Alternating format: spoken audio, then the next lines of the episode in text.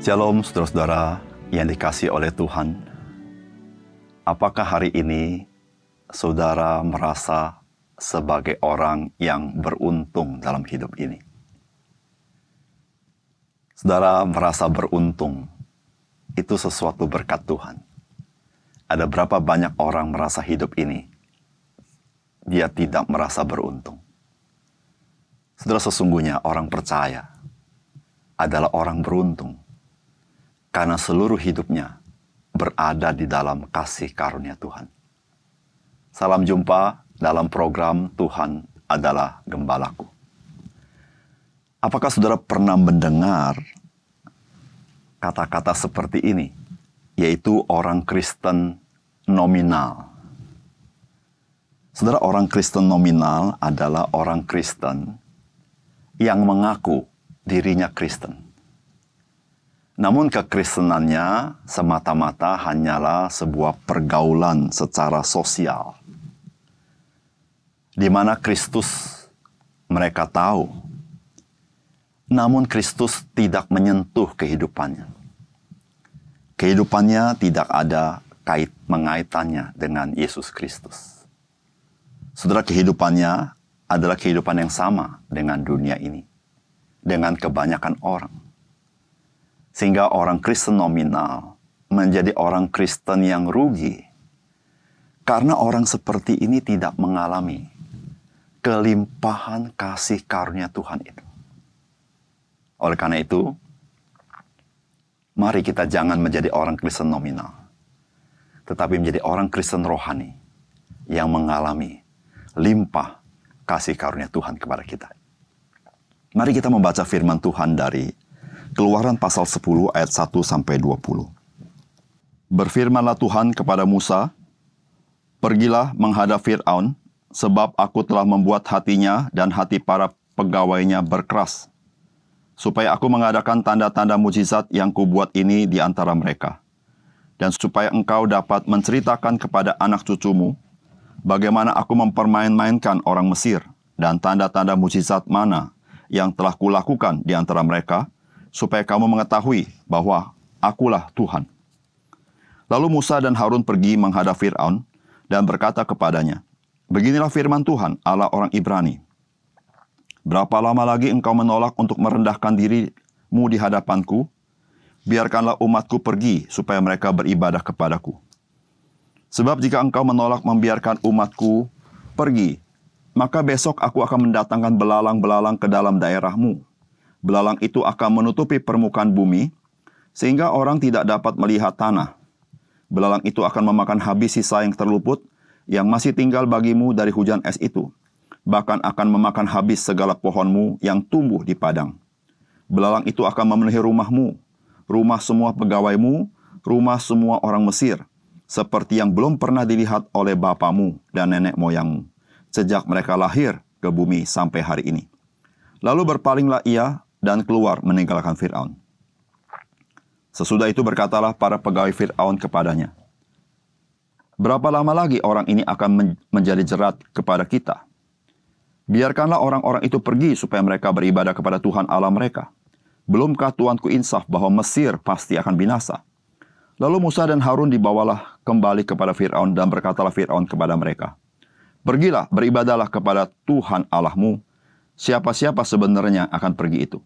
Jawab Musa, Kami hendak pergi dengan orang-orang yang muda dan yang tua, dengan anak-anak lelaki kami dan perempuan, dengan kambing domba kami dan lembu sapi kami, sebab kami harus mengadakan perayaan untuk Tuhan. Tetapi Fir'aun berkata kepada mereka, Tuhan boleh menyertai kamu, jika aku membiarkan kamu pergi dengan anak-anakmu. Lihat jahatlah maksudmu. Bukan demikian, kamu boleh pergi, tetapi hanya laki-laki dan beribadalah kepada Tuhan, sebab itulah yang kamu kehendaki. Lalu mereka diusir dari depan Fir'aun. Berfirmanlah Tuhan kepada Musa, Ulurkanlah tanganmu ke atas tanah Mesir, mendatangkan belalang, dan belalang akan datang meliputi tanah Mesir, dan memakan habis segala tumbuh-tumbuhan di tanah, semuanya yang ditinggalkan oleh hujan es itu. Lalu Musa mengulurkan tongkatnya ke atas tanah Mesir, dan Tuhan mendatangkan angin timur melintasi negeri itu. Sehari-harian dan semalam-malaman, dan setelah hari pagi, angin timur membawa belalang. Datanglah belalang meliputi seluruh tanah Mesir dan hinggap di seluruh daerah Mesir. Sangat banyak. Sebelum itu tidak pernah ada belalang yang demikian banyaknya. Dan sesudah itu pun tidak akan terjadi lagi yang demikian. Belalang menutupi seluruh permukaan bumi, sehingga negeri itu menjadi gelap olehnya. Belalang memakan habis segala tumbuh-tumbuhan di tanah, dan segala buah-buahan pada pohon-pohon yang ditinggalkan oleh hujan es itu sehingga tidak ada tinggal lagi yang hijau pada pohon atau tumbuh-tumbuhan di padang di seluruh tanah Mesir. Maka segeralah Fir'aun memanggil Musa dan Harun, serta berkata, Aku telah berbuat dosa terhadap Tuhan Allahmu dan terhadap engkau. Oleh sebab itu ampunilah kiranya dosaku untuk sekali ini saja, dan berdoalah kepada Tuhan Allahmu itu, supaya bahaya maut itu dijauhkannya daripadaku Lalu keluarlah Musa meninggalkan Fir'aun dan berdoa kepada Tuhan. Maka Tuhan membuat angin bertiup dari jurusan sebaliknya, yakni angin barat, yang sangat kencang yang membawa belalang itu, dan melemparkannya ke dalam Laut Tebrau. Tidak ada satu belalang pun yang tinggal di seluruh daerah Mesir. Tetapi Tuhan mengeraskan hati Fir'aun, sehingga tidak mau membiarkan orang Israel pergi.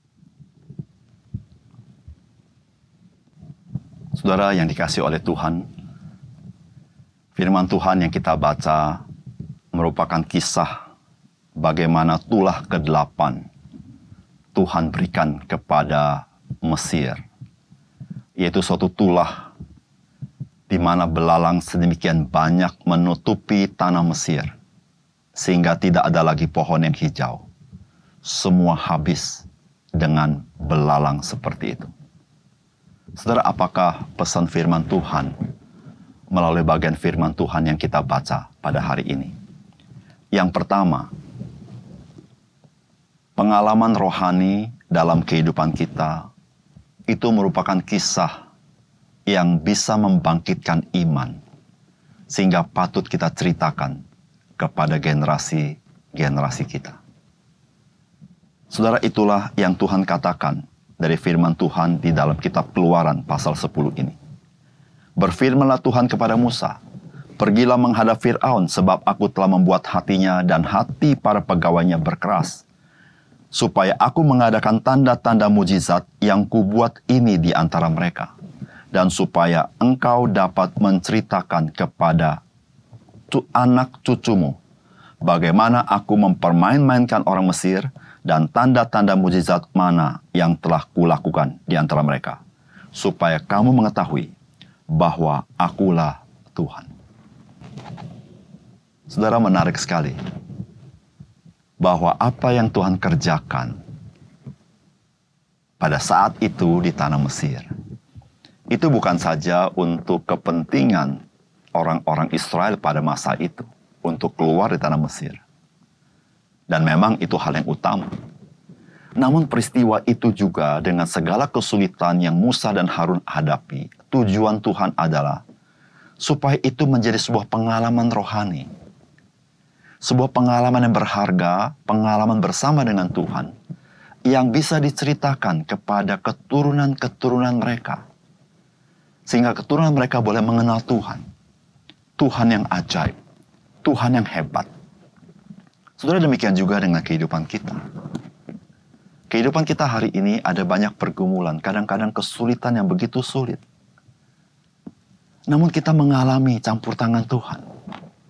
Tuhan berkarya dalam hidup kita. Saudara semuanya itu adalah menguatkan iman kita.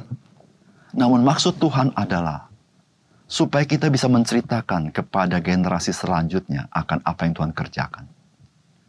Jikalau kita menjalankan hidup kita begitu lancar tanpa kesulitan, mungkin kita tidak ada kisah-kisah yang menarik, kisah-kisah peperangan rohani yang kita alami, yang kita bisa ceritakan kepada generasi selanjutnya. Namun justru ketika kita menghadapi kesulitan dan kita mengalami tangan Tuhan yang kuat, itulah pengalaman rohani yang berharga bagi hidup kita dan juga bagi keturunan kita. Yang kedua, Saudara firman Tuhan hari ini mengajar kepada kita. Sebagian besar orang berpikir bahwa segala sesuatu itu berada di tangannya. Sampai Tuhan menyatakan bahwa sesungguhnya Tuhanlah yang mengatur segala sesuatu. Saudara, inilah cara berpikir daripada Fir'aun. Ayat 10 dan ayat 11 berkata begini. Tetapi Fir'aun berkata kepada mereka, Tuhan boleh menyertai kamu jika aku membiarkan kamu pergi dengan anak-anak. Saudara bayangkan, bagaimana Fir'aun berpikir tentang Tuhan. Bagi Fir'aun, kekuasaan ada di tangan dia bukan di tangan Tuhan. Dia yang atur segala sesuatu. Maka dia berkata, jikalau aku mengizinkan kamu pergi, Tuhan menyertai kamu. Tapi kalau aku tidak mengizinkan, Fir'aun mau berkata bahwa Tuhan tidak berdaya dengan Fir'aun. Namun saudara, dari kisah di dalam kitab keluaran kita tahu bahwa yang mengontrol segala sesuatu bukan Fir'aun, Tuhan yang mengatur segala sesuatu, termasuk tulah-tulah yang diberikan kepada Firaun, termasuk Firaun dikeraskan hatinya oleh Tuhan untuk menyatakan kemuliaan Tuhan. Saudara yang kasih dalam Tuhan, sebagai orang percaya, kita harus ingat baik-baik. Segala sesuatu yang terjadi bukan di dalam kontrol manusia. Segala sesuatu yang terjadi di, di dalam hidup kita bukan juga terjadi karena by accident. Namun ada Tuhan yang tahu segala sesuatu, yang punya rencana dalam segala sesuatu. Dialah yang mengatur segala sesuatu. Oleh karena itu, saudara, marilah kita hidup berpadanan dengan rencana Tuhan. Kita tidak menjadi orang yang sombong. Kita tidak menjadi orang yang angkuh. Kita tidak merasa diri adalah seorang yang bisa mengatur segala sesuatu, meskipun kita perlu membuat rencana. Namun kita berserah. Karena kita percaya. Pengaturan Tuhan adalah menjadi kebaikan bagi kita. Dan membawa kemuliaan bagi nama Tuhan. Yang ketiga, saudara firman Tuhan hari ini memberitahukan kepada kita bahwa penyesalan itu tidak selalu sama dengan pertobatan kita membaca bagaimana Fir'aun itu menyesal. Dikatakan ayat 16 dan 17, maka segeralah Fir'aun memanggil Musa dan Harun, serta berkata, Aku telah berbuat dosa terhadap Tuhan Allahmu dan terhadap kamu. Oleh sebab itu ampunilah kiranya dosaku untuk sekali ini saja dan berdoalah kepada Tuhan Allahmu itu supaya bahaya maut ini dijauhkannya daripadaku.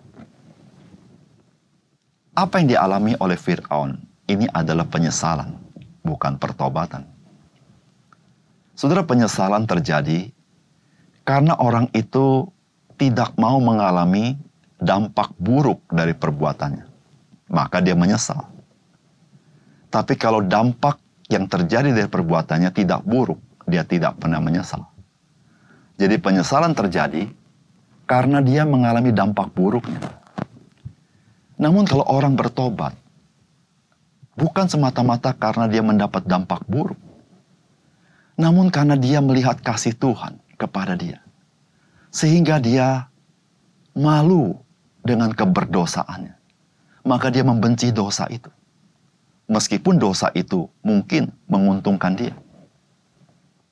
Tetapi bagi dia, ketika dia melihat kasih Tuhan, dia tidak mau lagi hidup dalam dosa. Itulah pertobatan. Sebagai orang Kristen, kita bisa saja menjadi orang yang menyesal.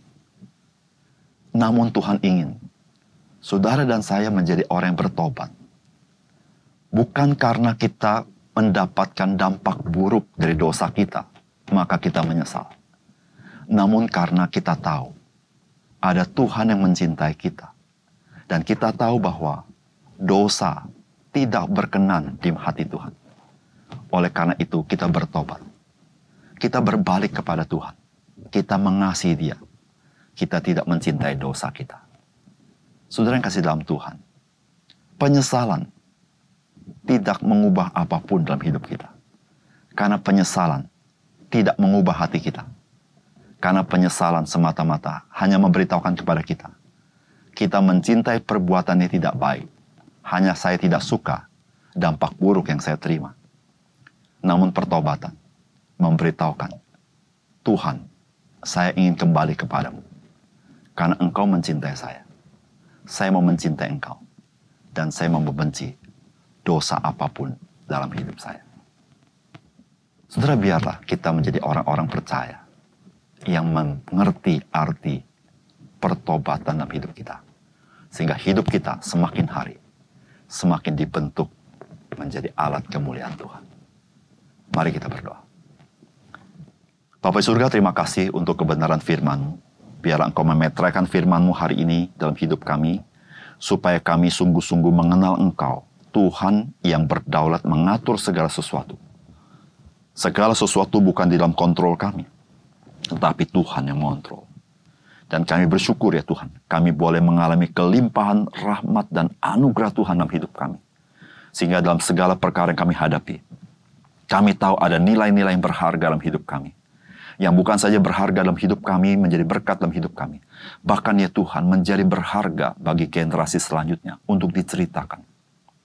Tuhan tolong kami. Kami menjadi orang-orang percaya yang tahu meninggalkan dosa dan lebih mengasihi Engkau karena Tuhan lebih mengasihi kami.